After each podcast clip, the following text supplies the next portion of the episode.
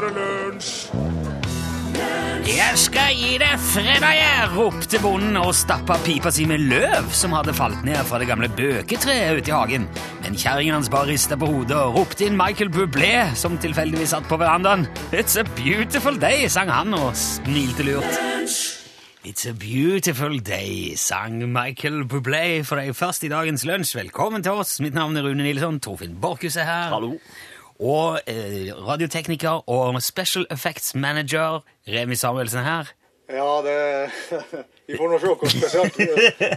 Og Remi er i gang allerede med å forberede dagens filmanmeldelse, for det er jo fredag.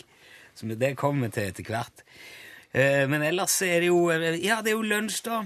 Eh, Og det slo meg her, eh, Torfinn Har du noen gang tenkt på hva vi skulle gjort med dette her programmet hvis en av oss hadde blitt ja, altså, tatt av et romskip, eller daua, eller forsvunnet i en eh, tørketrommel, eller bare på en måte ikke dukket opp?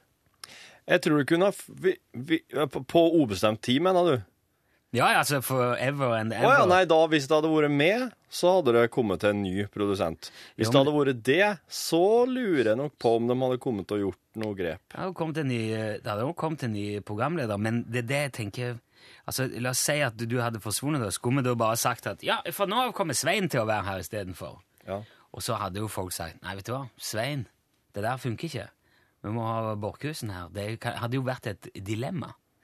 Og, Ser det knapt for meg. ja, og jo, og, men det, grunnen til jeg nevner det, da, det er bare for å prøve å knytte det til hjemlige forhold, for det har skjedd en gang. Akkurat. det jeg ville fram til. Ok. Eh, Det har skjedd med et annet uhyre populært radioprogram i USA. Kanskje enda mer populært enn Lunsj. Ja. Til og med, det kan være vanskelig å se for seg. Men dette var jo da i radioens virkelige gullalder. Og da gikk det et ekstremt populært eh, Det var jo mer som et hørespill, eller et sånn radioshow som het Lone Ranger, Jaha. som gikk på radio i Amerika. En western, eh, et western-hørespill? Ja, Ja. rett og slett. Eh, Det starta allerede i 1933. eh, Og litt, det var litt sånn fomling i starten. Det var vel tre forskjellige stemmer innom som helten, som Lone Ranger. Før um, Altså, det var en som var med i noen måneder, og så slutta han, for han ville heller skrive manus. Så var det en som prøvde, han var bare med tre ganger, og så ble han jaga fordi han dugde ikke, og så var det en annen innom. Men så endte det opp med Earl eh, Grazer. Aha. Han ble Lone Ranger. Tok over. Og han var Earl Grazer helt fram til den 8. april 1941. Eh, altså i åtte år. I åtte år, ja. Ja. Og da inntraff eh, nemlig tragedien. Den morgenen, altså 8. april i 41, sovna Earl bak rattet i bilen sin, krasja inn i en parkert trailer og døde. Oi. Yep. Og det var jo ikke bare en tragedie for alle som kjente Earl, og, og for Earl i det hele tatt, familie og alt det der, men det laga òg et kjempeproblem for produsentene av The Lone Ranger. Ja. De hadde jo mista stjerna si. Og dette var, det var et show som gikk direkte på lufta tre ganger i uka. De spilte det ut der og da. Så de hadde ikke noen krisesendinger i opptak, de hadde ingen sånne løsninger, så de måtte finne en ny Lone Ranger, og det på eh, umiddel, med umiddelbart. Ja. Men det var jo heller ikke nok, for hvordan skulle de da klare overgangen fra en Lone Ranger til en annen uten å forvirre og skuffe millioner av amerikanske barn ikke sant, som kjente stemmen til helten sin, og som forventa at han dukka opp til fast tid og redda dagen, som han jo gjorde? Da må vi finne en som har akkurat lik stemme. Da. Ja, det, det var jo den første tanken. Ja. Men det er det jo ikke tid til. Å dra rundt og, og rekruttere folk som har akkurat lik stemme. Nei. For det, var jo Altså, det, det må på i, type i morgen eller torsdag eh, eller mandag eller jeg vet ikke. Jeg har ikke sjekka akkurat hvilken dag det var. Så eh, det de gjorde, da, var at de tok kontakt med Brace Beamer. Han eh, hadde tidligere figurert som Lone Ranger på fotografier, fordi at han passet egentlig bedre som Lone Ranger rent visuelt. Visuelt for- på radio. Ja. Nei, altså når de skulle ta bilde, da, eh, så var Earl han var ikke helt sånn Lone Ranger-aktig nok. Nei. Så derfor eh, hadde Brace steppa inn. Eh, og han eh, hadde òg en liten rolle i et annet eh, show som gikk på radioen, men det var bare en gang i uka. Så han visste hva det gikk i, og han var kapabel til det, men han hadde jo ikke helt den samme stemmen. Nei. Så hvordan løser de det? Jo! For de fiksa det, ser du. Den eh, dagen han skulle debutere som Lone Ranger, så skrev de inn en, eh, en ordentlig gunfight. Altså en, eh, en kamp. Hvor Lone Ranger blir skutt før han rekker å si noen ting som helst. Han blir skadd. Og over de neste episodene er Lone Ranger sengeliggende. Skadd. Og, og ja, hardt skadd, da. Hva ble den skutt av? Nei, sikker eh, Nei, det vet Nei, jeg ikke. nei. Men det var sånn at han kunne bare si «Åh», Og «Åh»,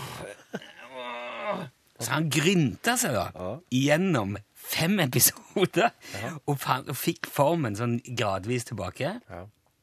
Og da brukte de de fem episodene på å tilvenne folk til stemmen hans.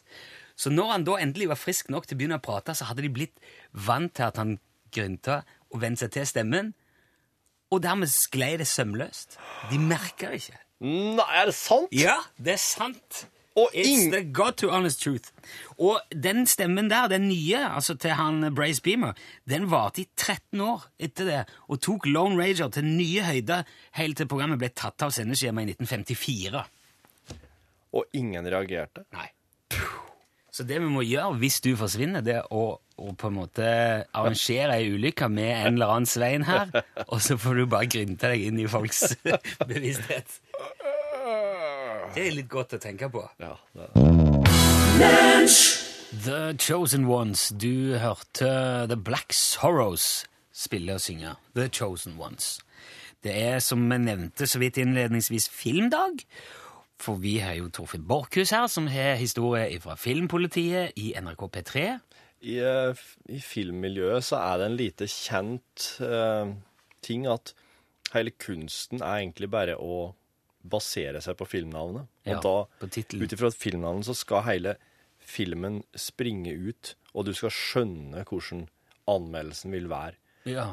Og Du det- gjør 90% av jobben bare når du ser hvilken, hva filmen heter. Ja, ja. Ja. Tittelen er ofte så Når jeg får høre at en film har blitt klart hva den skal hete i USA, før den er logga, så veit jeg Ja. hvordan anmeldelsen. De resterende 10% ligger kanskje i rulleteksten. Ja, Ja. for eksempel. Så det kan være verdt å se den uansett, hvis det, hvis det er mulighet til det. ja, Ja. bare for å få oppfylt forventningene sine. Utfyllende informasjon. Forrige uke anmeldte Torfinn 'Søstrene Konradsen og legenden om Skorovas-beveren'. Det jo en filmtittel som vi fikk sendt inn eh, på SMS. Det er jo sånn det virker, dette her. Det er jo du som hører på, som, eh, som bidrar med filmtittelen. Torfinn anmelder. Det, ble, det var en skikkelig eh, spenning, en gyser av en norsk monsterfilm om en diger bever. Eh, Vi kan jo høre traileren fra filmen som i ettertid faktisk er blitt klar.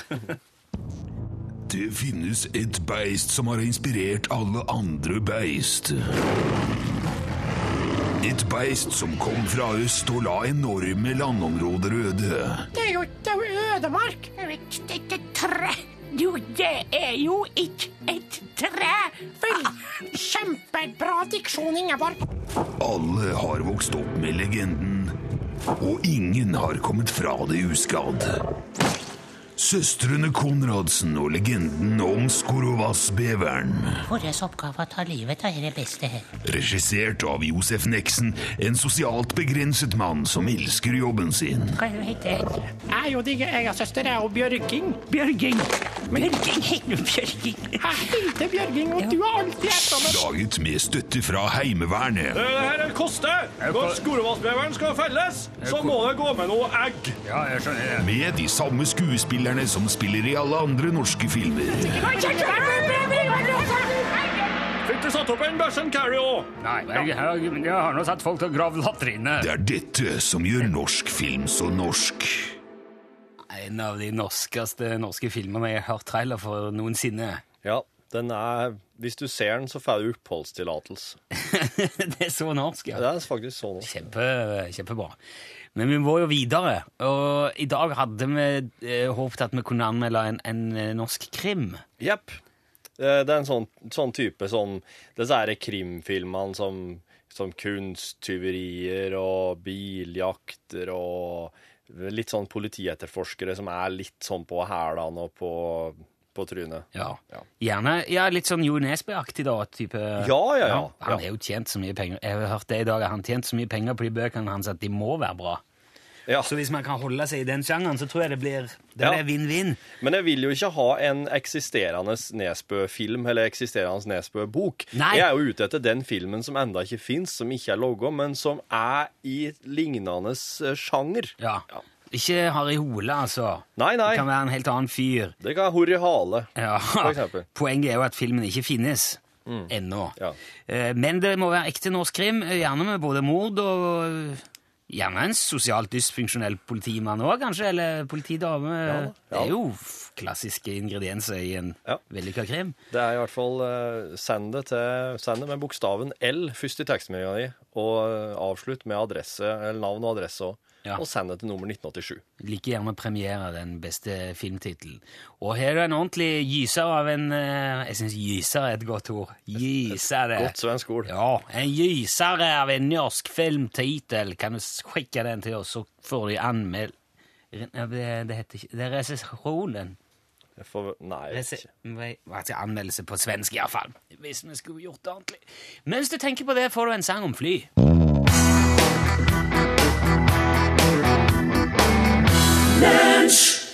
Der hørte du en sang om fly som Moddi hadde skrevet og spilt inn til oss. Jeg tenkte i forlengelsen av at vi snakker om film eh, og bare nevne at eh, 101 dalmatinere og Peter Pan Ja.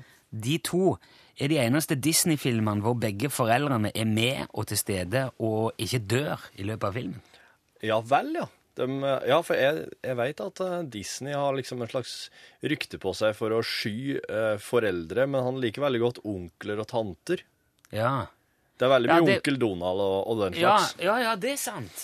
Og fettere og søskenbarn og ja, veldig uoversiktlige familieforhold ofte. Han var kanskje forut for sin tid på mange måter, da. Altså det utradisjonelle familiekonstellasjonen. Disney. Eh, det er jo en veldig kjent linje som, som mange liker å sitere fra Casablanca. Play it again, Sam. Ja. Men det sier aldri Humphrey Bogart i den filmen. Nei. Det er, uh, det tullete? hva er det der for noe, da? Er det Play it again, Sam. Nei, vet du, jeg må, kan må innrømme at det, Jeg vet ikke om jeg har sett hele filmen faktisk en gang. Jo, det har jeg. Det har jeg, Men Nei, men eh, det er jo ikke rart du ikke kjenner igjen, Fan, det blir altså aldri sagt. Nei. Men Casino Royale det var den første James Bond-filmen som ble godkjent av kinesisk sensur. Så de er ikke kommet med før nå. Daniel Craig. wow! De har ikke fått med seg Moonraker. De har ikke fått med seg eh, Spionen som elsket meg. Nei, Octopussy Hm. Uh, Noen av de andre. Nei. Så nå har de altså en del å hente sjåsaup på i Kina. da. Eh, King Kong. Favorittfilmen til Hitler. Nei. Ja, sier det. Han bare veldig glad i King Kong. Det var jo ikke Peter Jackson sin, følgelig, men Nei, eh, nei. altså den der originale Ja. med han i, eh, i gorilladrakten, eller Ja, på, på Empire State Building-modellen. akkurat. Ja, det var visst han veldig begeistra for. Også i uh, Hitchcocks Psycho, vet du, Ja. som kom i 1960. Det, det er jo den berømte dusjen. Oui, oui, Ja. oui. Ja. Det blodet som spruter opp på dusjforhenget og rundt i dusjen der, Aha. sjokoladesirup. Ja da.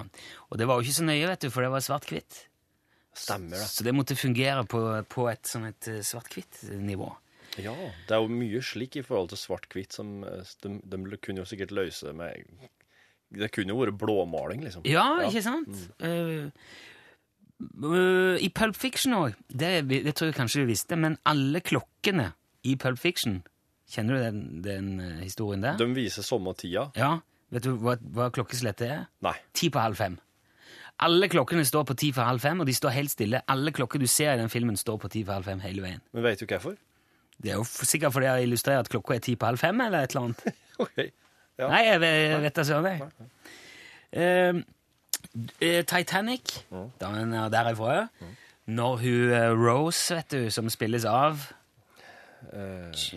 Kate Winslet. Ja. Når hun ligger og har særdeles lite tekstiler på seg på denne divanen Ja, når han måler henne. Ja, tegner en skisse. Mm. Ja, ja, tegner. Ja, Det er jo ikke Leonardo DiCaprio som tegner det, for det var ikke han i stand til. Nei. Han som tegner, det er James Cameron. Regissøren? Ja, han tegner Rose, og han har også tegnet alle de andre tegningene som er i den blokka som han sitter og blar i. Oh. Ja. Og det er hans fingre som holder på. Så de filmer over skulderen på regissøren. da. Ja, Cameron er litt flink til å tegne, han. Ja, han Det er kjekt når du er regissør, tenker jeg, for da er du sånn i stand til å lage deg bilder. Ja. Hvordan vil du ha det, James? Jeg skal tegne det for deg. Så fikser han det bare. Eh, Terminator, Ja. I'll be back. Ja. Den kunne fort blitt bare I'll be back. Eller ikke I'll be back, men I'll be back. Oh. Fordi at det var egentlig OJ Simpson som skulle spille The Terminator. Oi! Ja. Wow! Men så sa produsenten Nei, vet du hva, jeg tror ikke folk kommer til å ta det der på alvor. Vi kan ikke ha han. Vi må ha en østerriker med svære muskler, og så putter de inn Arnold. OJ Simpson. OJ Simpson. Det var vel før han hadde den famøse bilturen, tror jeg. Ja. Og hvis eh, Carrie Fisher hadde sagt nei til å spille prinsesse Leia i Star Wars, ja. da hadde det vært Jodie Foster. Åh! Nattsvermeren Jodie. Yep. Så der var det bare litt om film. Det kan du ta med deg inn eh, Hvis du eksempel skal i et cocktailparty i helga, kan du ha disse bak ørene, så blir du en kjempeinteressant samtalepartner for nesten hvem som helst.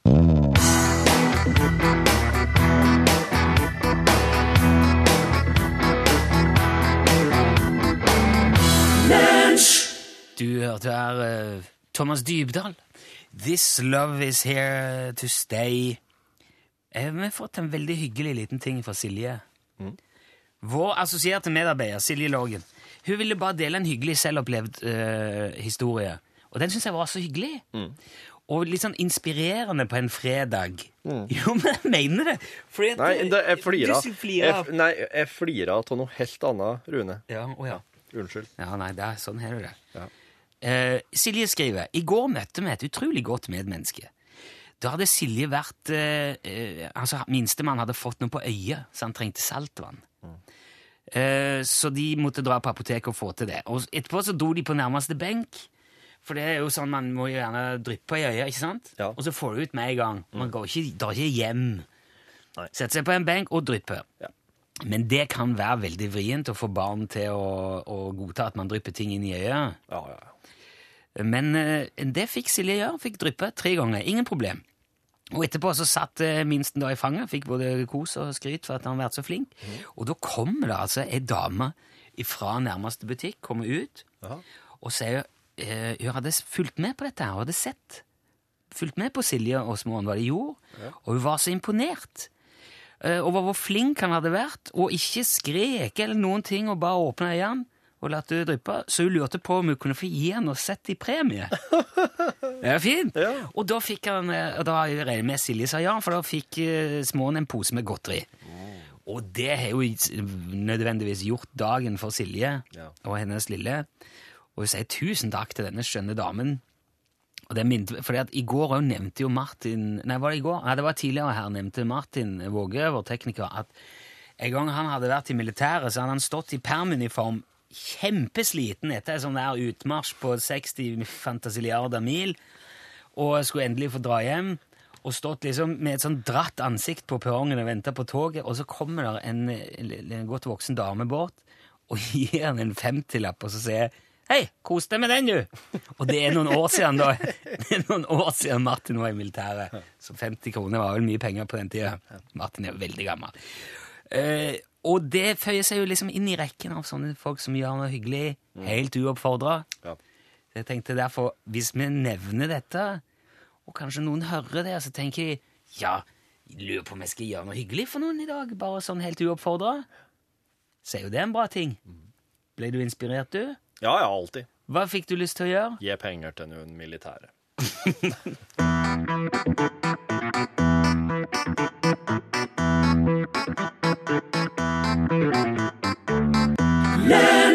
Tennessee Ernie Ford var det som sang 16 Tons.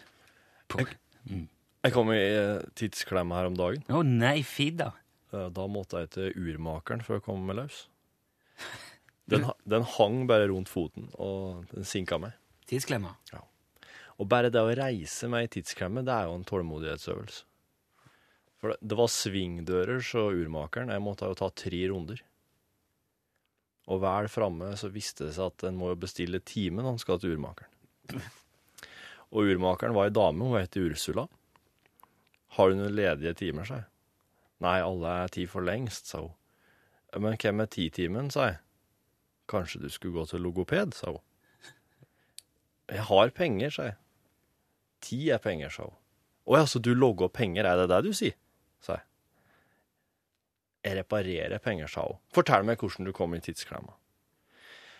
Altså, jobben krever at jeg må bruke av fritida mi, sa jeg. Ja, det er jo det jobber gjør, sa hun. Ja, det var det jeg oppdaga, sa jeg. Men hva skulle du ellers, hva skulle du ellers få tid til å jobbe ifra, sa hun da. Nei, men jeg hadde jo tenkt å ta eksempel til den tida jeg bruker når jeg står i kø, når jeg ser reklame, og når jeg er vaken om natta, sa jeg. Smart. Og du så ikke klemma, sa hun. Nei. Jeg oppdaga den ikke før jeg skulle ha på meg sko. Da er det som regel for sent, sa hun. Ja, sant. Sant, sa jeg. Og tenkte på alle gangene jeg måtte gjennomføre ting bare fordi jeg hadde tippa meg skoen altfor tidlig. Men er det ingenting du kan gjøre, sa jeg. Jo da, sa hun. Jeg kan fortsette som før, jeg, sa hun. Går du i dine egne fotspor, da, eller? spurte jeg. Ja, så fremt jeg kan se dem, så, sa hun. Hvis jeg ikke ser dem, så må jeg bare prøve å gå etter hukommelsen. Ja, går du helt til du henter inn deg sjøl, da, sa jeg. Ja, det er riktig. Det er en god følelse, sa hun. Jeg kjente at tidsklemma hadde løsna. Enn hvis du møter deg sjøl i døra, da, sa jeg. Ja, da bare si at jeg ikke skal ha noe, sa hun. Ja ja, neste gang da, kanskje, sa jeg, og nikka for ha det. Ja, det må nesten bli neste gang om det skal bli noe i det hele tatt, sa hun. Og når hun snudde seg, så så jeg gjennom svingdøra at eh, klemma satt fast på foten hennes.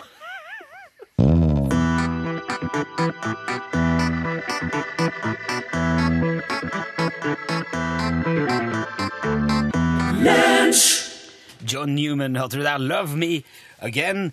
Hvorpå det er på tide å anmelde film. Fordi det er fredag, og alle radioprogram med respekt for seg sjøl har filmdag på fredag. det er jo premieredagen.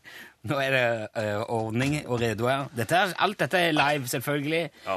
Vi har bedt eh, du som hører på dette, sende oss en filmtittel som vi kan anmelde. Det har kommet veldig mange fine i dag, som eh, alltid. Altså, det er så mye god, god innspill.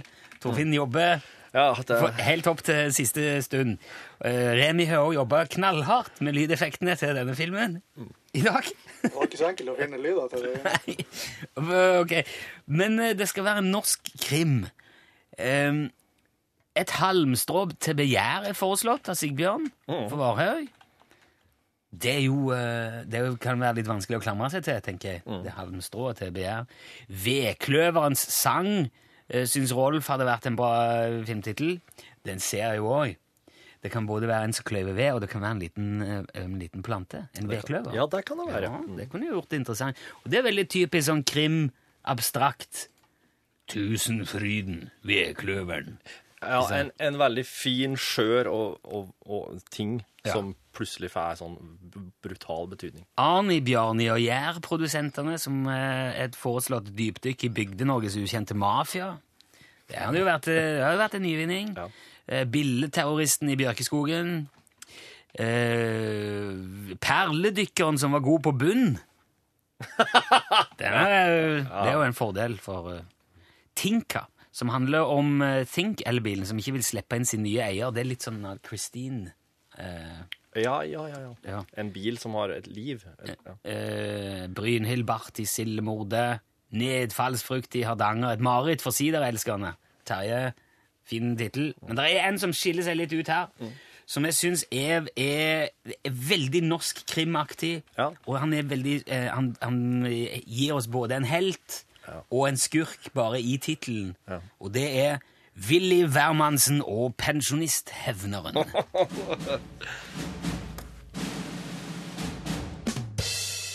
Filmatiseringa av Willy Wærmannsen og Pensjonisthevneren er veldig mye på en gang, og oppleves derfor som tre filmer satt på samtidig. Wow. Filmene eh, Hollywood-klare Simen Smilberg har lagt oppå hverandre, er absurd komedie, forfølgelsesthriller og kjærlighetsdrama. Omtrent som om du blander sukkerspinn, tran og sjampis. Og skal nå høre et lite klipp fra Willy Wærmannsen og Pensjonisthevneren. Ja, hva har vi her da, Klausen? Ja, skal jeg se det, det, Hermansen. Det er jo eh, et lik. Ja, eh, men eh, liker du ham?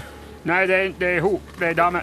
Ja, Det er var- den eh, profilerte finanspolitikeren Bente Bakoversving. Ja, bakoversving. Yeah. Og i alle dager, hun har jo nettopp tiltrådt. Ja, hun er jo ansvarlig for den nye pensjonsreformen. Ja. Ja.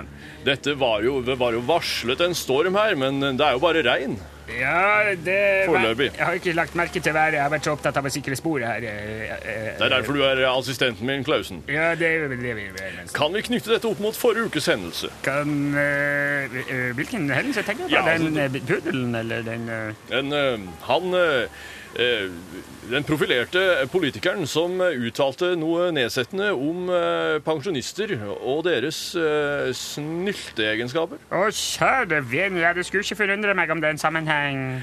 Da foreslår jeg, Klausen, at vi kommer oss fort som fy til nærmeste eldresenter. I Willy Wærmannsen og pensjonisthevnerens sentrum står Willy Wærmannsen. Vellykka, rappkjefta og i egne øyne underbetalt eh, politietterforsker, med en usannsynlig dyktig assistent på 1,85 og med en 40 millioners villa som Willy Wermansen misunner veldig, veldig for. Intrigene starter når Clausen Klausen og Wermansen etter hvert begynner å eh, ane at det er eh, ting innad i egen avdeling som forsurer hele opplegget og gjør at de må jobbe på overtid. Og skal høre et lite klipp fra filmen her. Klausen, ja, Det sitter folk på innsida der. hvem er hva, gjør Er ikke dette et eldresenter, Jo, Klausen? jo, jo, men det ser jo ut som det er rene mafiavirksomheten som foregår inni. Ta de ja, bra. Finn fram alle verktøyene. Dirk deg inn den døra. Vi skal inn. Koste hva det Det kodelås her. Ta Tast inn koden, Klausen. Veldig bra. Alle sammen, stå i ro! Vi er, vi- her er politiet, det er Oslo-politiet. Vi beslaglegger alt eh, Nei, stopp! Stopp! Klausen! Ja! Au, du er en gammel person. Ja, du er vel mistenkt for drapet på bakoversving. Stopp, da! Du tar meg aldri Du tar okay. meg aldri! Klausen. Vi le oh, ja. De legger ut mot De er på vei ut mot bilen. Um, der, da. Ja, nei, det, det, det, det går for seg i Willy Wermansen og pensjonisthevneren. Det er, det er like mye antihelten som det er dritsekken som får lov å blomstre i denne filmen her. Det er en enorm utfordring å logge film av et slikt manus, men det må jeg si at Simen Smilberg har klart veldig bra. Det er toppkvalifisert eh, underholdning, og det er hesebleisende biljakter og ei ikke så altfor overraskende avslutning, vil jeg si. Og skal høre eh, et lite klipp fra slutten på Willy Wermansen og pensjonisthevner. Nei, jeg skal ikke gjøre det. Nei. Fortsatt aldri!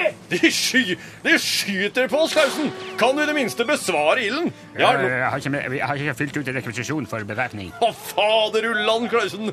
Hvordan skal vi klare å ta en gjeng med pensjonister med skytevåpen hvis vi ikke kan skyte tilbake? Jeg prøver å plaste meg variant. Ja, det er da gjør jeg det. Da gjør jeg det. Ja, ratter meg opp på siden. Se på dem. De Ja. blir bleke i ansiktet. Du tar meg fortsatt aldri! Jeg skviser ham ut i veiskulderen. Ja. Er han i grøften, Klausen? Jeg kan ikke se i blindsonen. Eh, Speilet knakk av når pressene presset rundt. Ja, men Snu hodet ditt, Klausen. Snu Åh. hodet og se.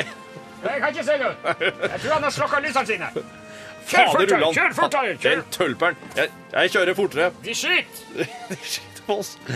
Hva skal vi eh, Hva foreslår du, Klausen? Jeg foreslår at vi stopper på eh, pølsebua og tar oss en liten pause og tenker over dette her. Det var en kjempegod idé. Det kan faktisk hende at de stopper der, de også. Jeg liker ikke å kjøre når folk skyter. Nei, det gjør ikke jeg heller. Men du, hva om vi bare drar tilbake til eh, hovedkvarteret og et anser saken som eh, eh, rettferdig? Et rettferdig hevn. En rettferdig hevn Passer mot meg- systemet. Passer meg veldig godt. Får ikke overtid for dette her heller. Willy Wermansen og Pensjonisthevneren, snart på kino. Det er bare å ta turen, og eh, det er eh, alt, faktisk alle billettene er honnørbilletter. Terningkast seks. Lunsj radiogram 73 88 14 80 Hallo, det her er Per Rugvold. Jeg ringer fra Arendal. Jeg tenkte jeg ville fortelle en vits. Det var en sud som fant en hanske.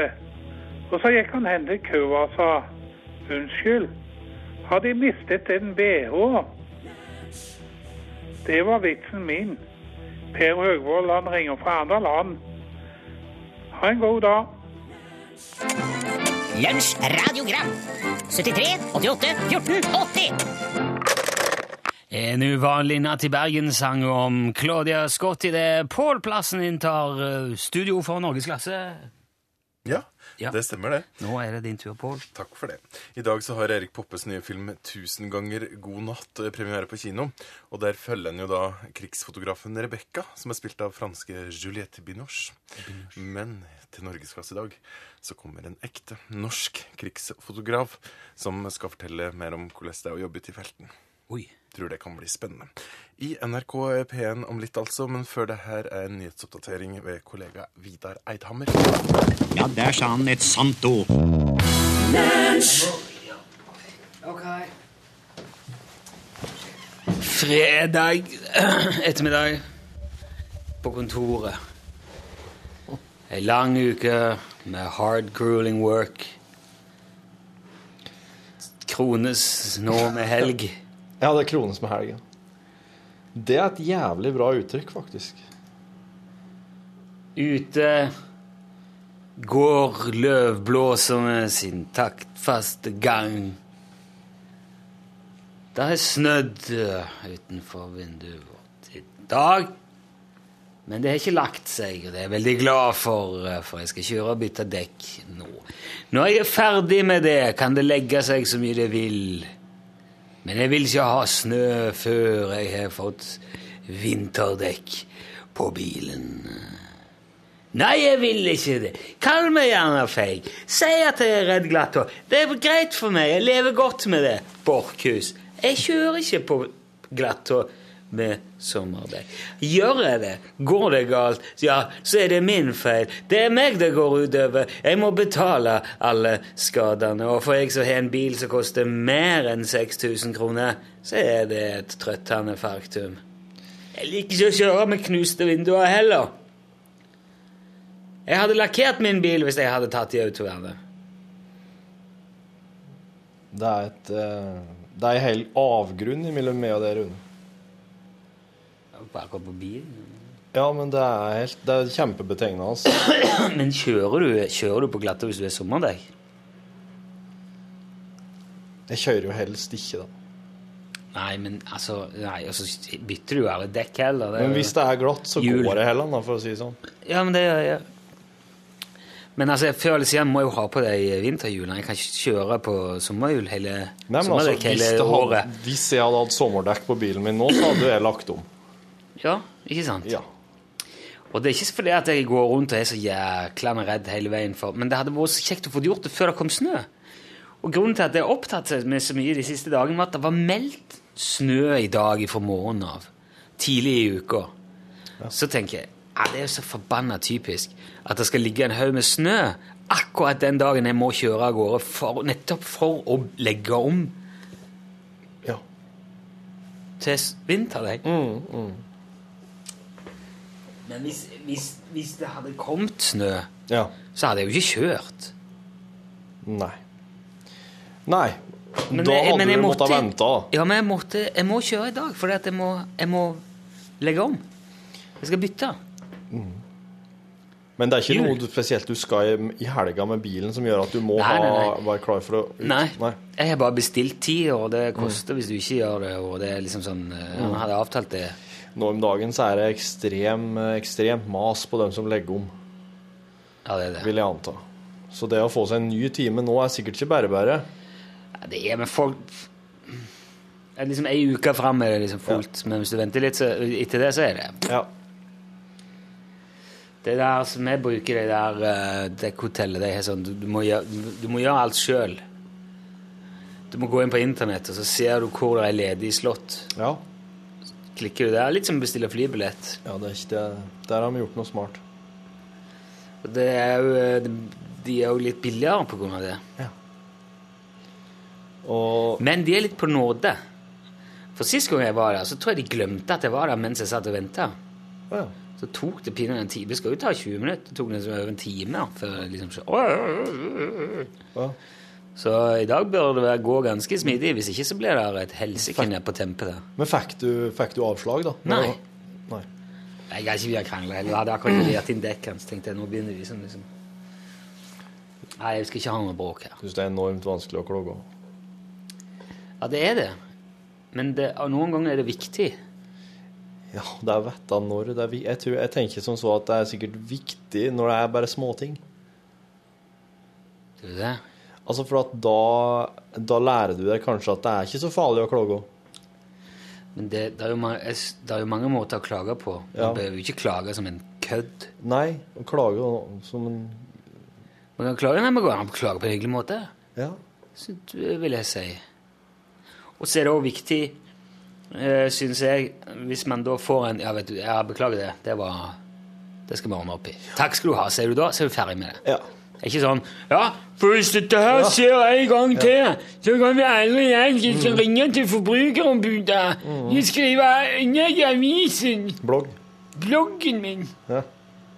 Mor mi leser den. Hver dag nesten. Hvis du ikke må ut og handle. Hvorfor var jeg så imponert over at du klarer å skrive på internett? Ja, Tanta di, da, leser hun? Jeg er død. Ja, hun døde òg, ja. Ja. Ja, for du, du skrev jo et blogginnlegg om det. ja. Men skrev du det da for mor? Tante død, skrev jeg. Ja, og, Så men, tok jeg punktum etterpå. For da var jeg ferdig. og, og, da, og det las mor di, da? Ja! Var det slik hun fikk beskjeden Ja om vel. at søster henne var død? Sikkert. Det er, ja, det er noen som må ta den jobben òg. Komme med de tunge, levere de tunge beskjedene på internett. Det er jo ikke en, eh, en eh, figur som har min dialekt. Ja. Det hadde vært noe. Ja, ja. Det er bare sånn veldig mye mer Det har vært grævlig løye. Oi. Og så er den litt sånn derre heime Uh... Det hadde jo blitt tatt veldig ille opp hjemme, tror jeg. Det hadde, det hadde vært det er sikkert mange som hadde følt seg truffende. Ja. Jeg syns du skal vurdere litt det der. En, eh, en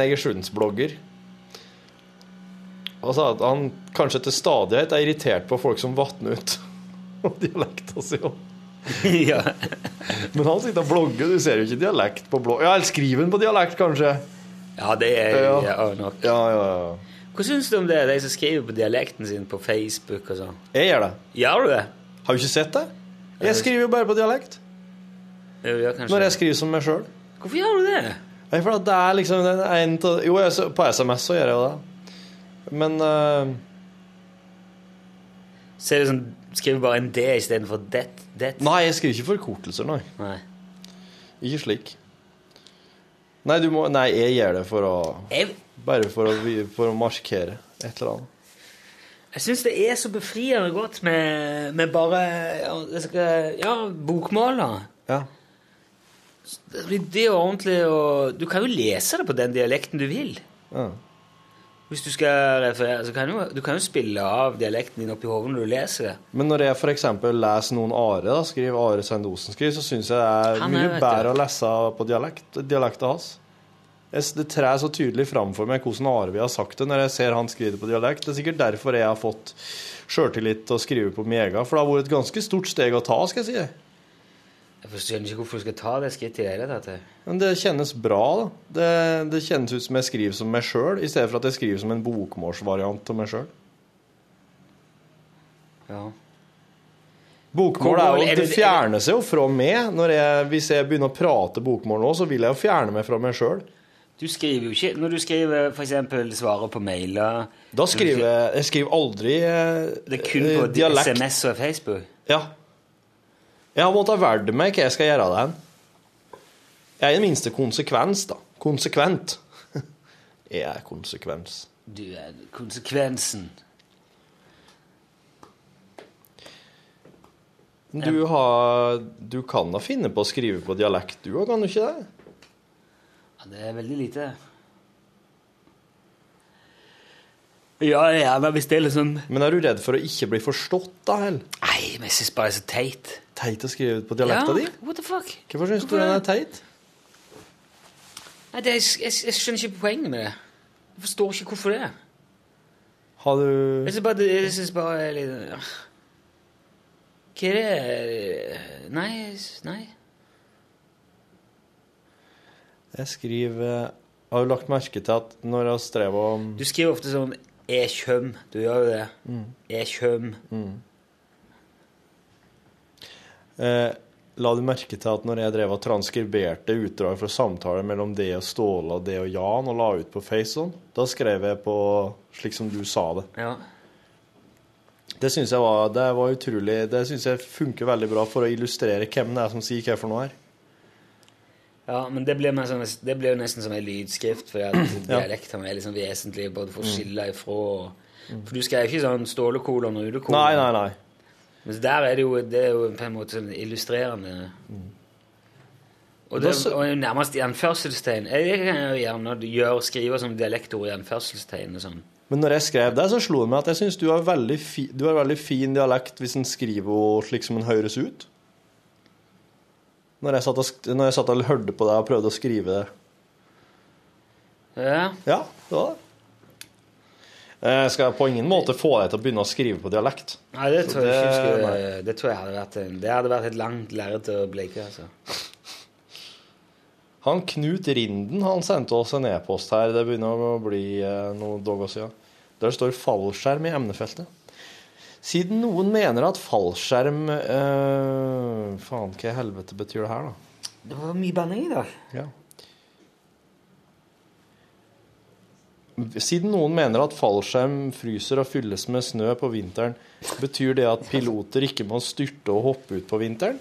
Takk for et bra program. Hilsen øh, Knut. Nei, folk, piloter må jo ikke styrte og krasje noen gang. Nei. Det tror jeg er veldig eh, Det tror jeg er noe av det første de lærer på, på pilotskolen. Det er ikke krasj og styrt. Ja. Styrt og krasj. Mm. Det blir nødvendigvis styrt og krasj, ikke krasj og styrt. Ja, ja. Det kan være Krasj og styrt. Det, det kan jo være et krasj i lufta, og så blir ja. det styrt. Ja, det. Ja. Krasj, styrt, krasj, da. Jeg tror, jeg, jeg tror styrt og krasj er mer vanlig enn krasj og styrt. Ja. Ja, ja, jeg vet ikke. Det Jeg, vet, jeg vet jeg tenkte jeg skulle ta med inn en annen enn fra eh, Børge Pallesen her, som det står 'eventyr' i emnefeltet. Kjempegøy med eventyr, men lydeffekten og bakgrunnsmusikken trenger jo ikke å være høyere enn fortellerstemmen. Den sendte jeg jo videre til alle. Ja. Måtte høre dagens eventyr to ganger før jeg fikk med meg historien, og jeg hører podkast med gode øreplugger. Har det med podkasten å gjøre? Jeg vet jo ikke hvordan det hørtes ut på radio. Som Rune ville sagt, eventyrfaglig svakt? Spørsmålstegn. Hilsen Børge. Og ja, Du har sendt den videre til dem som er radioteknikere. Men jeg tenkte dere som hører podkasten her, og som hører Lunsjteater, filmanmeldelser, den slags ting som framføres med lydunderlag Hvis dere har reagert, eh, sånn som Børge, så si gjerne ifra. Og det er veldig bra at dere er spesifikke opp om det var noen konkrete innslag som, som dere reagerte på. Eh, For at, ja, dere hører jo på podkasten, dere òg. Ja, for det, det er ikke så eh, Men det er litt Vi har ikke så god kontroll om vi stole på teknikeren. Det var derfor jeg sendte det til deg. Mm. Ikke sånn, eh, ikke nødvendigvis for å si at nå har dere gjort en dårlig jobb. og Jeg har ikke fått sjekket det heller, men fordi at eh, Ok, husk på dette her, bare. Ja. Så vi tar jo alle sånne innspill på veldig alvor. Det vil jeg si at vi gjør. Og vi setter ned et utvalg og tar en gjennomgang. Ja, det gjør vi. Rune Pune, podkast 16.10, står det. Kudos for politisk kommentar uten å komme i nærheten av å bli partipolitisk, Nilsson. Ja. Refseren! Takk for det. Smilefjes med blunketryne. Du gjør en dritbra Erna også. Skratt og applaus i The Batcave. Jeg har vært refsa tidligere, men jeg er ikke lenger nå. Det. Jeg har rett og slett sluttet med det. Ja. Jeg er en geléklump flyter på andres Men jeg, ja, tenkte det på et eller annet Så jeg var sånn veldig mye meninger før. Skrev innlegg i aviser og kronikker og Ja, dette her går ikke lenger. Og, Oh, ja. Hva du skrev om da? Nei, jeg vet ikke. Alt som var urettferdig til mitt hode. Når er det her i livet? Jeg var før, altså, før jeg bodde i Egersund, da var det mye i lokalavisen skrev om alt mulig. Ja, Ja. Ok, Så, så, så ja, du, du bodde i Egersund og skrev om lo- lokale forhold? Ja. Hvor gammel var du da? Ja, jeg flytta derfra da jeg var 24-25 eller noe. Ja. Jeg var ganske sein ute jeg, i forhold til mange andre. som hadde dratt ut. Var du med i sånn ungdomspolitikk og sånn òg, kanskje? eller? Ja, jeg, jeg var jo med i FPU en liten periode. Jeg var jo eh, skikkelig pro EU på, i 94. Ja. For det, det, på det tidspunktet mente jeg det var en god idé. Fremskrittspartiets ungdom i Egersund var da veldig for EU, vil jeg Ja, anta? ja, og det var, det var valget rundt og jeg, jeg kan ikke huske meg. jeg, husker vi hadde, jeg jobba i musikkforretning da, og solgte musikkinstrumenter. Da sto jeg på stand på Bjerkreimsmarken, og det er jo veldig altså Bjerkreim er den kommunen i Norge med flest sauer per innbygger. Det er en eh, landbrukskommune av rang. Som et sånn New Zealand i Norge? Ja. Rogaland. Ja. Uh, og da sto jeg på stand der oppe på Bjerkreimsmarken med ja til EU-bøtten. Ja. Og var antagelig den eneste okay. i hele Ja. i, i hele hallen der som Og da var jeg sånn Ja, ja, det skal koste litt å stå for noe. på en måte. Det var veldig Ja. Dæven han, Rune. Det må jeg si. Det er, vel, fikk du noe uh, motbør, eller? Ja, det er jo sikkert Jeg kan ikke Det ble ikke slåssing, i hvert fall. Men, Nei. Nei. Hva tror du men hadde det, på et tidspunkt gikk det liksom over. Og, Ja. og så, Nei, nå får jeg holde på med det, det som gidder. Ja. Egentlig litt fint å kunne ha en jobb der du kan bare Det du behøver ikke Det er liksom min, for min jobb er å holde på med helt andre ting. Ja. Så kan de andre liksom være opptatt av det som betyr noe. Så kan jeg holde på med det som egentlig ikke er så viktig heller. Så er det kommet inn mye andre ting i livet som er, tross alt er mye viktigere. Sånn rent personlig. Ja, ja, ja.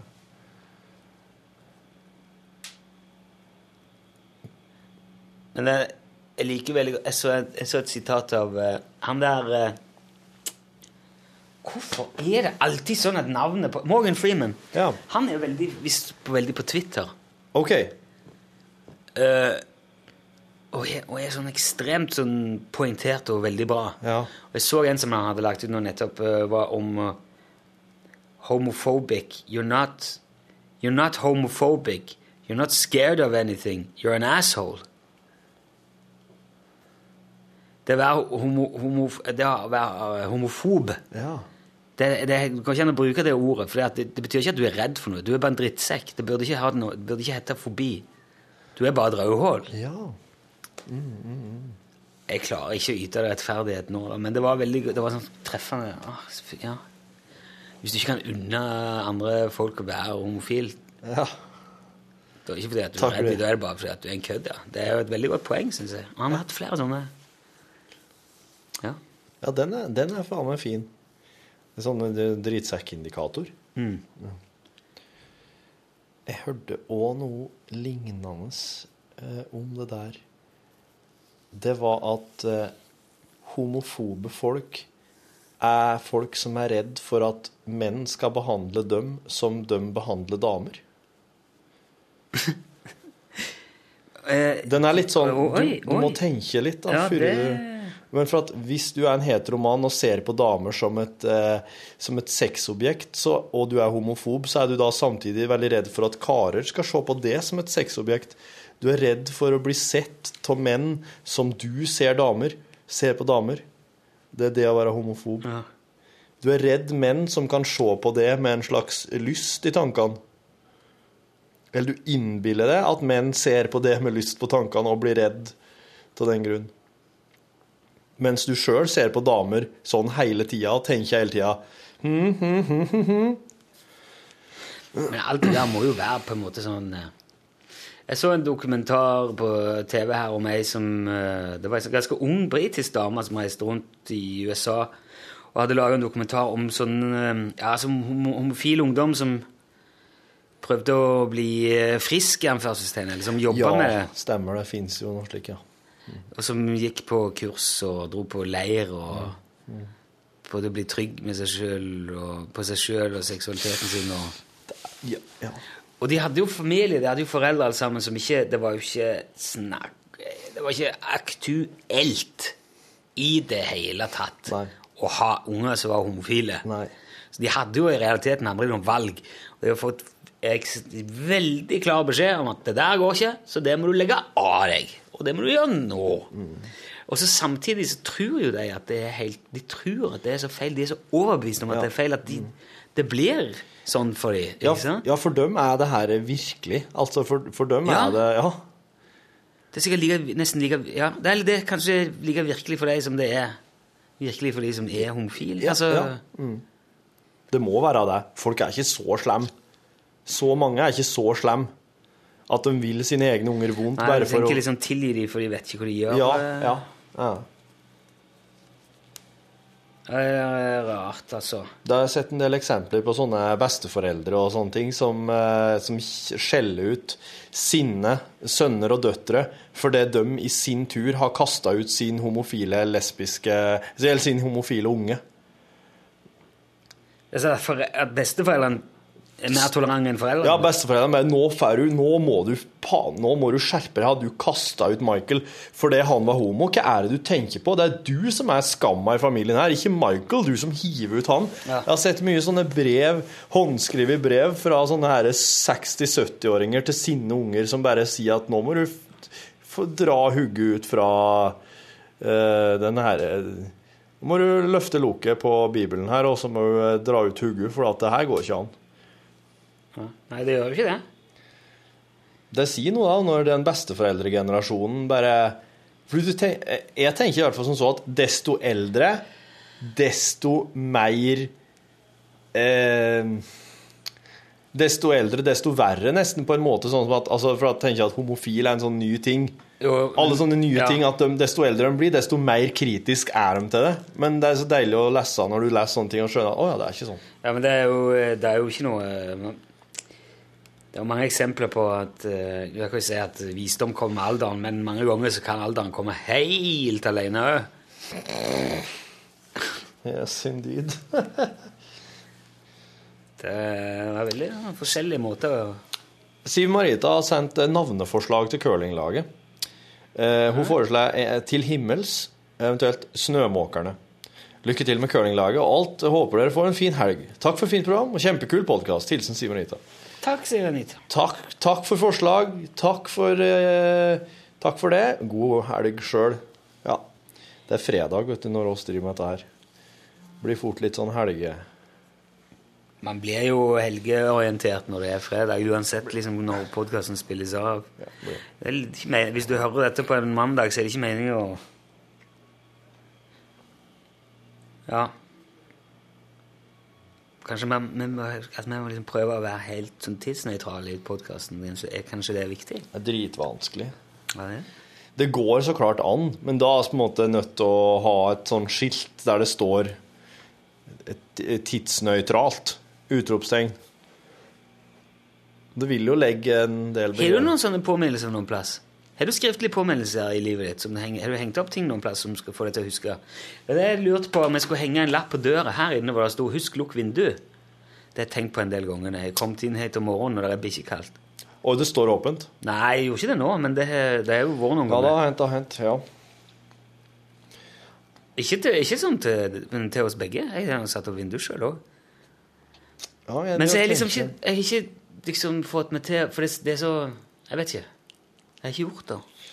Du er, ikke en, du er ikke egentlig en type som driver og henger opp sånne påminnelseslapper til folk og fe? Jeg har gjort øh, Jeg har hengt opp lapper på kjøkkenet her. Mm. Her, ja? Ja. mm. Men da var du trallevakt, var ikke du det? Jo, jeg var sikkert det. Ja. Ja, vi har sånn trallevakt eh, som går på Vi har ordensmann på avdelingen, liksom. I, I denne delen av eh, I denne fløyet. Når vi ikke her har det vært Eirik Kjos i Norgesklasse, og han er jo nesten aldri her, så det, har jo, det, det er, ser jo ikke ut, vet du. Funker jo ikke.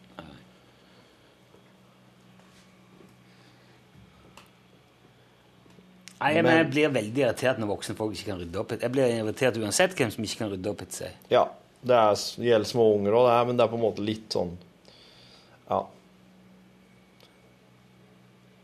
De må jo lære seg det en gang, de, da. De voksne har jo lært det, forhåpentligvis. Med mindre det fins voksne personer som aldri har måttet rydde etter seg. Som bare har blitt rydda opp etter, og så flytter dem, kanskje kollektiv. Og der er det òg noen som er litt sånn moderlig faderlig å rydde på fellesområdet, sjøl om de egentlig ikke, det egentlig ikke er deres ting de rydder i. så, så de seg, gifter de seg, med seg kjerring som rydder for dem, og så går de med seg han egentlig aldri lært seg å rydde. Det er sjukt. Ja. Det er vanskelig å lære, men det er er vanskelig å lære opp det der eh. jeg, For jeg skal si til ungene mine Gidder du ta det der? Ja. Det er ikke jeg som har rota det, sier de. Nei. Men kan ikke ta det likevel? Hvorfor, uh, Det. og så- for Å det ta noe for sånn- andre. Ja, men det kommer litt sånn i konflikt med at du skal rydde opp etter deg. Det gjør det. Og, og, og når jeg sier da, kan ikke du bare ta det likevel, så, så ligger det jo litt sånn implisitt ja, hvorfor kan ikke bare du gjøre det, da? Kan ikke du bare ta det? Og der, der på en måte når du spør kan ikke du ta, kan ikke du ta det lell, så har du jo på en måte Der oppdrar du jo den ungen som vil ta andres i trallevakt. Som, som vil rydde etter andre når i voksenlivet òg. Men det er ikke en dum ting, da. Nei, men Det er bedre at ungen rydder etter andre enn at ungen ikke rydder noen ting.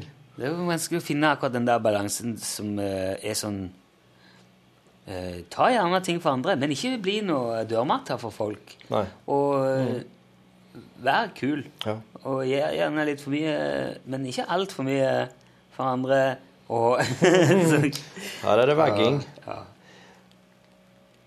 Jeg syns det er veldig vanskelig å iblant finne ut hvem det er som står bak rotet. Det er jeg som har rota! Nei, OK, men da skal vi faen meg finne ut hvem det var. Men det kan være innmari vrient. Fikk du i gang etterforskning, da? Som, Han må jo gjøre det.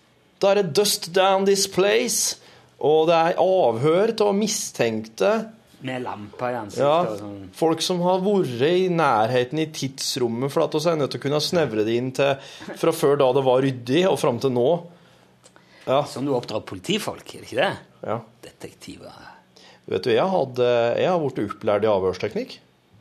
Jeg er jo i, jeg er jo i militærpolitiet.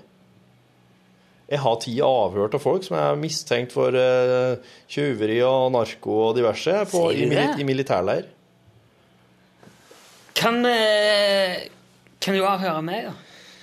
Ja, men de må jeg- liksom ha kan- noe Der er funnet Der er funnet hasj på kaserna. Heter det det? Kaserna? Det Ja, de det heter det. heter. Ja. Eh, og det er jeg og tre andre som bor på det rommet som det ble funnet hasj på. OK. Du er Rune, da. Ja, ja, det er meg. Ja. Eh, jeg må kanskje bestemme meg for om jeg har gjort det eller ikke. Om det var min hasj. Eller Jeg vil jo uansett prøve å slippe unna med det. OK, jeg, skal, jeg kan Jeg vet ikke om jeg har så lyst til å avhøre det, Rune. Å? Det er litt sånn Det er ikke så ålreit. Og dette her er jo veldig spennende, da. At du, at du liksom jeg kan, eh, jeg kan gjøre noe med deg, men det kommer til å bli jævlig ubehagelig. Det gjør det jo bare mye mer besnærende, da. Men det blir, det blir kanskje ikke så lett hvis du for du må, må jo finne på Finne på veldig mye, da. Sitt rolig, ja. Kommer med børser til Børsa til Remington Stål. Remington Stål. Men eh, Ja, ok, det blir kanskje litt vrient. Uh, ja, men bare, bare sånn for kan vi ikke bare, Hvordan ville du gått fram, da? Ok.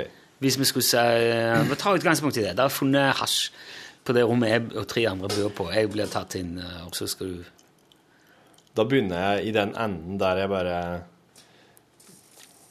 uh, Kan jeg få fornavn og etternavn? Ja, det er Rune Nilsson. Hva slags avdeling er du i? Jeg er eh, PPT, ingeniørkontrollør. Og så hele tida ser jeg ned og skriver. Og så ser jeg på det. Hvem er nærmeste overordnede? Svein Kåre Valdemarsen. Sersjant. Offiser. Kontrollør. Jeg må bli ærlig kontrollør, men nei, altså jeg, jeg, Ja, OK, jeg skjønner. Jeg passer nå. Ja. Har du noen spesielle ansvarsområder? Jeg, er- jeg er velferdsansvarlig for eh, DVD-rommet.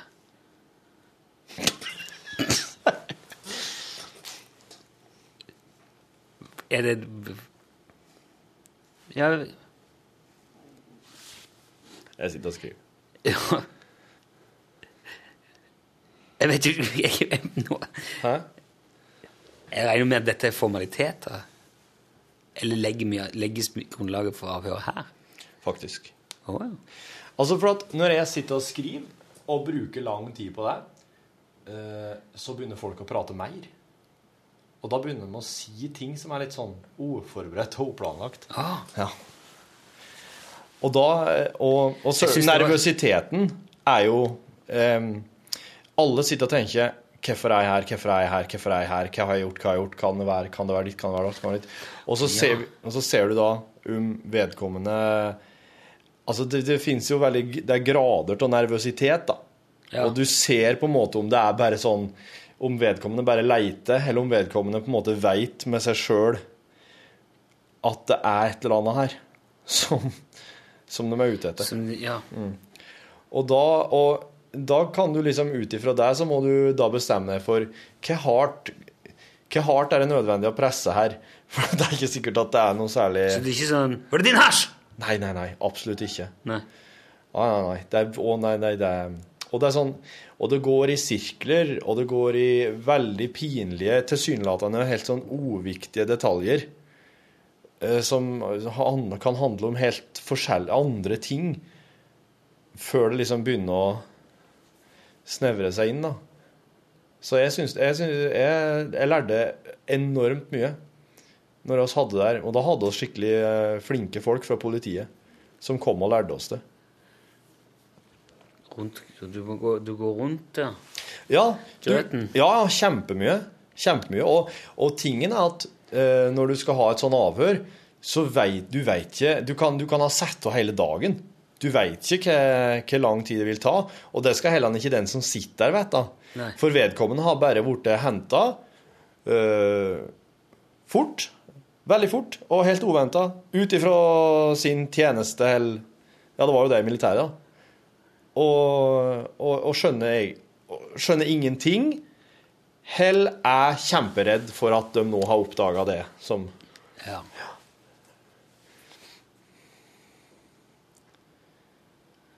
Jeg har ikke vært i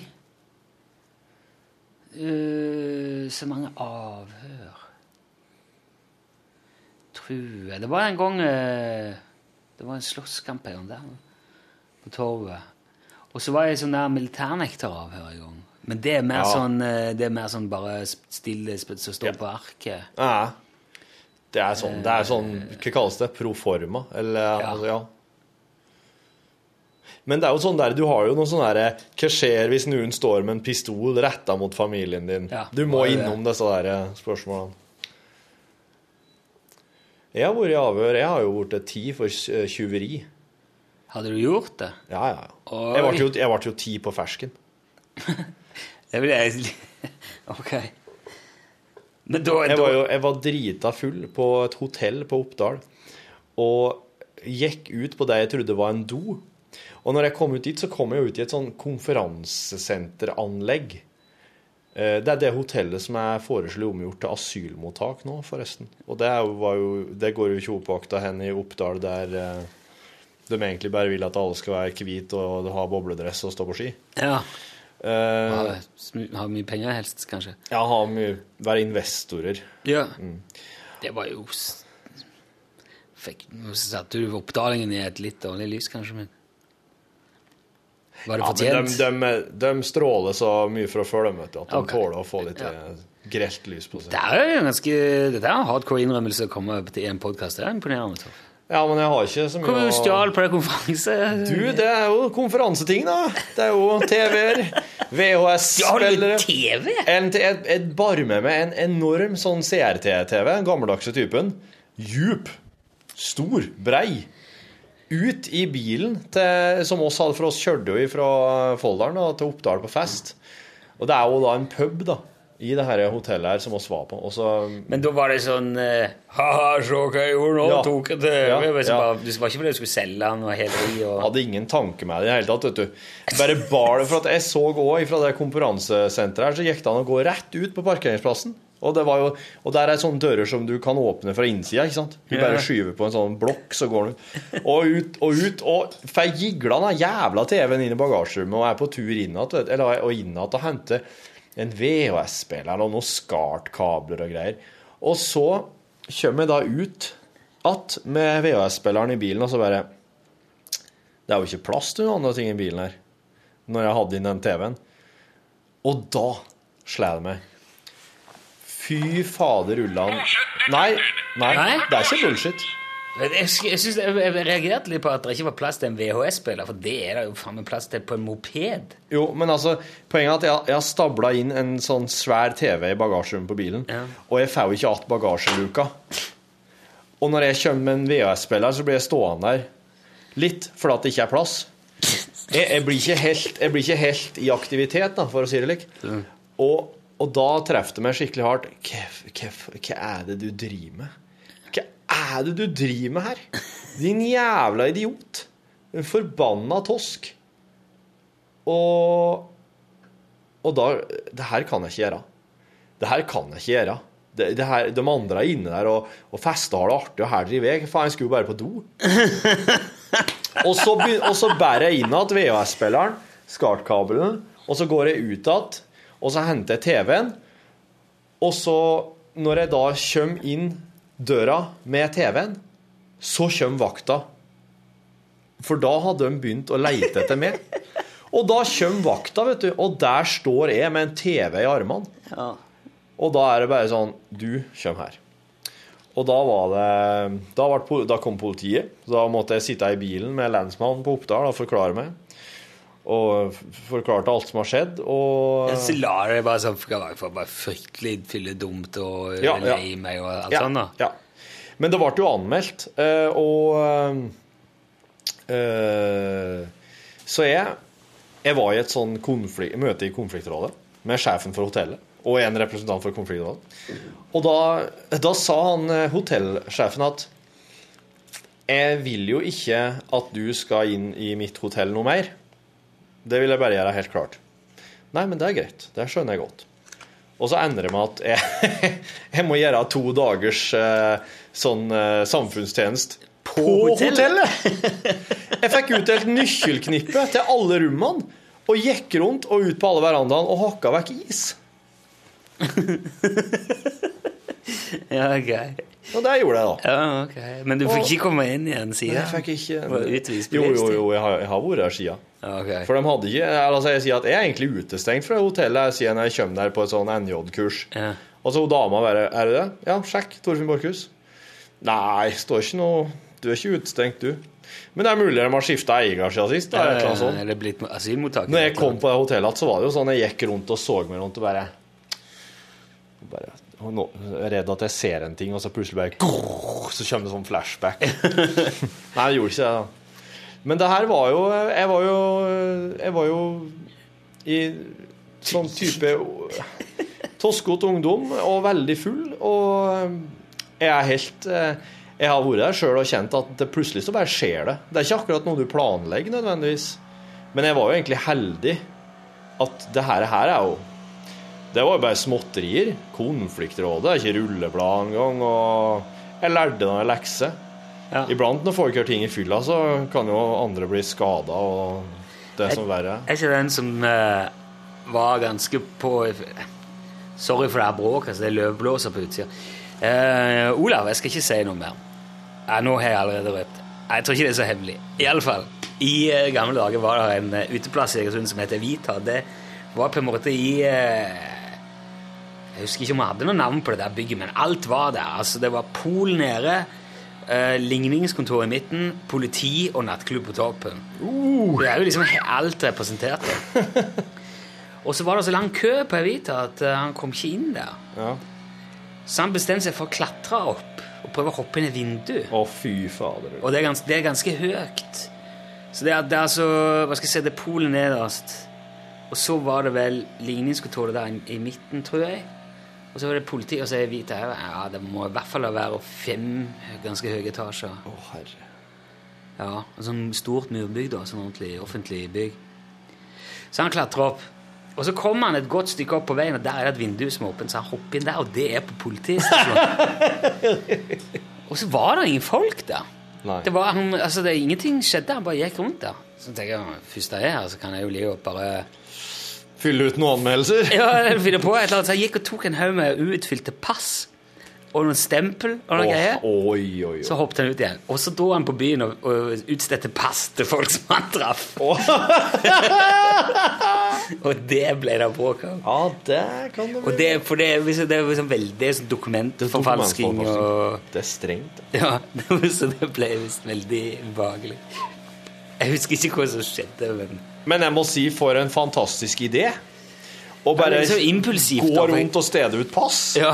Det Han er hadde jo jo sikkert fest, det er jo mye moro med det. Det blir fest, det der. Ja. Alle jeg har hørt om det, skulle jo liksom ønske at det er så gøy å ha et av de passene. For å få rundt i Schengen med. Ja.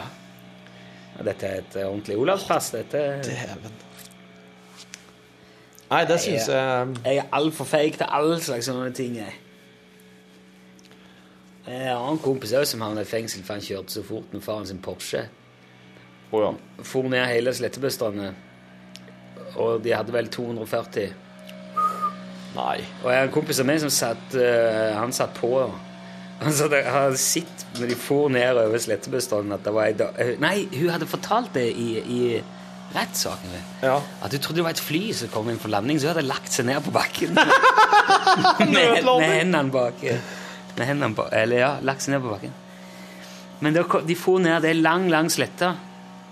En av det, liksom innkjørselen, en av de to innkjørslene til byen, der er det lang slette. Og så går det over i en sånn slak, slak høyresving ned mot eh, brua. Ja. Ja, det er ved hest, Hestevabrua, er det ikke det? Jeg må tenke meg om her. Ja, det er vel det. Står glasset ditt åpent? Nei, det gjør ikke det. Bråker det så mye gjennom, altså? Og så I den slake svingen, som egentlig det er nesten ikke et sving, altså, det er bare veien ta en litt annen retning over et langt, langt stykke. Det, der kjørte de så fort at bilen sklei ut. Så de for rett i vannet. Med Porschen? Ja. Å, og de mista grepet og begynte å snurre rundt seg sjøl. Og så for de ut på en busslomme, og akkurat der er det et stykke som det ikke er autovern på. Der. Bo, rett ut, og så i myra med farens Porsche. Han, han havna i fengsel, da, men han kompisen min han som satt på, han tror jeg gikk vel klar. Men der vil jeg bare, sånn. men der vil jeg bare si, altså Hvis du er far, og du låner bort en Porsche Nei, han hadde ikke lånt den vekk. Jeg tror han var i Nordsjø. Aha. Et, eh, det var ikke godkjent, nei. Nei. Nei, for da er litt sånn, da veit du, da har du en viss idé om hva som kommer til å skje. Det kommer til å gå fort. Ja, i hvert fall. Sant? Det var jo ikke Det var jo 18-20-årsalders eh, perspektiv på ting, vet du. Vet du, hvis Nå jeg en sagt gang men det skal er så avslørende, for jeg vet alle som er Alle egersunder vet jo dette, men de vet jo fra før, da. Ja. Så Jeg nevner jo ikke noen navn. men- Al altså hvis, hvis jeg er i den posisjonen at jeg kan låne bort en eller annen bil til uh, en av ungene mine en gang Bare det i seg sjøl er jo nok til at jeg, jeg må jo bare sørge for å alltid ha en eller annen vrakbil. Ja. Skikkelig drog som du ikke klarer å få opp i noen ting som helst. Særlig fart eller noen ting. Ja, men sånn tvega det der òg, for da er det jo liksom eh, Og ja, du tenker på Ikke sikkerhet. sikkert nok, Ja, det må være det, da. Men det må være en daukjørt Volvo, da. Men da, når man kommer dit hen, så er liksom bilparken sånn at vil du stå i, i forhold. Vi lånte, vi og min kompis Eller vi. Det var han som lånte svogerens bil. Han fikk lappen. Han har en søster som er en del eldre. Hun var gift. Og han hadde en Saab. Ni, var det 90 eller 99 eller sånn heter Saabene her. Og så eh, Og da hadde Da hadde han Min kompis hadde fått lappen ja, samme uka, vel. Og da gikk vi på kokkeskole i Stavanger. Fredag. Du skulle ha heldagsprøve. Kunne, kunne bli tidlig ferdig. Og han hadde kjørt ned til jernbanestasjonen og skulle ta toget inn til Sandnes. For han skulle på skolen. i- Tok toget fra Egersund til Sandnes. Ja.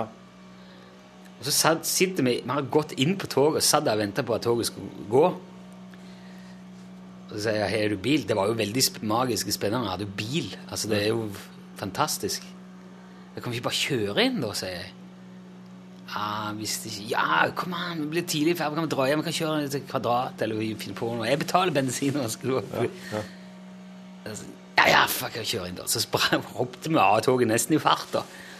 Akkurat idet det skulle begynne å gå, så ombestemte vi oss. Tok bilen. Kjørte, hadde prøve, skulle kjøre hjem. Så, kom der, eh, så begynte det å sludde ganske tett. Og så var vi Det var lite trafikk, så det var liksom ikke noe hjulspor. Vi kobla ikke at det var glatt. For det lå liksom bare Det så ut som vei. Det var ikke Ja. kvitt snø. Det var liksom sånn gråaktig slaps. Men Ja. det lå på veien. Så oppi eh, et eller annet skår Hva heter det? Svag på toppen av Saglandsbakken, så glapp det i sånn rundt 80, og så begynte den å slenge fram og tilbake. Så smalt ned bang i fjellet. Krasja så det bare dunda etter. Men det er veldig Det var rett i fjellet. I sikkert 70-80. Ho. Men uh, gud, jeg er glad det var en Saab, altså. For de, de er jo veldig sånn med stålbjelker i dørene og De var veldig sånn tidlige med Ja. sikkerhet. Ja. Og dere satt fastspent, begge to? Ja. Jeg hadde blåmerke over jeg var he hadde, Det så ut Når du tok av bilbeltet, så så ut det hang igjen i kroppen. Det var helt svart over Å, herre. av liksom Ja. Ribbein og ja, så brakk i foten og Og jeg husker hvert et sekund jeg kan spille av hvert et sekund. Jeg vet akkurat hvorfor vei han begynte å slenge først, og så andre veien, og så tilbake, og jeg sa oi, oi, oi, ho, så sa jeg pakk. For i be- i begynnelsen var det sånn Å, kult, litt sladd. Ja, ja, Å nei, litt mye sladd. Det var altfor mye sladd. Var det bakhjulstrekk? Nei, forhjulstrekk.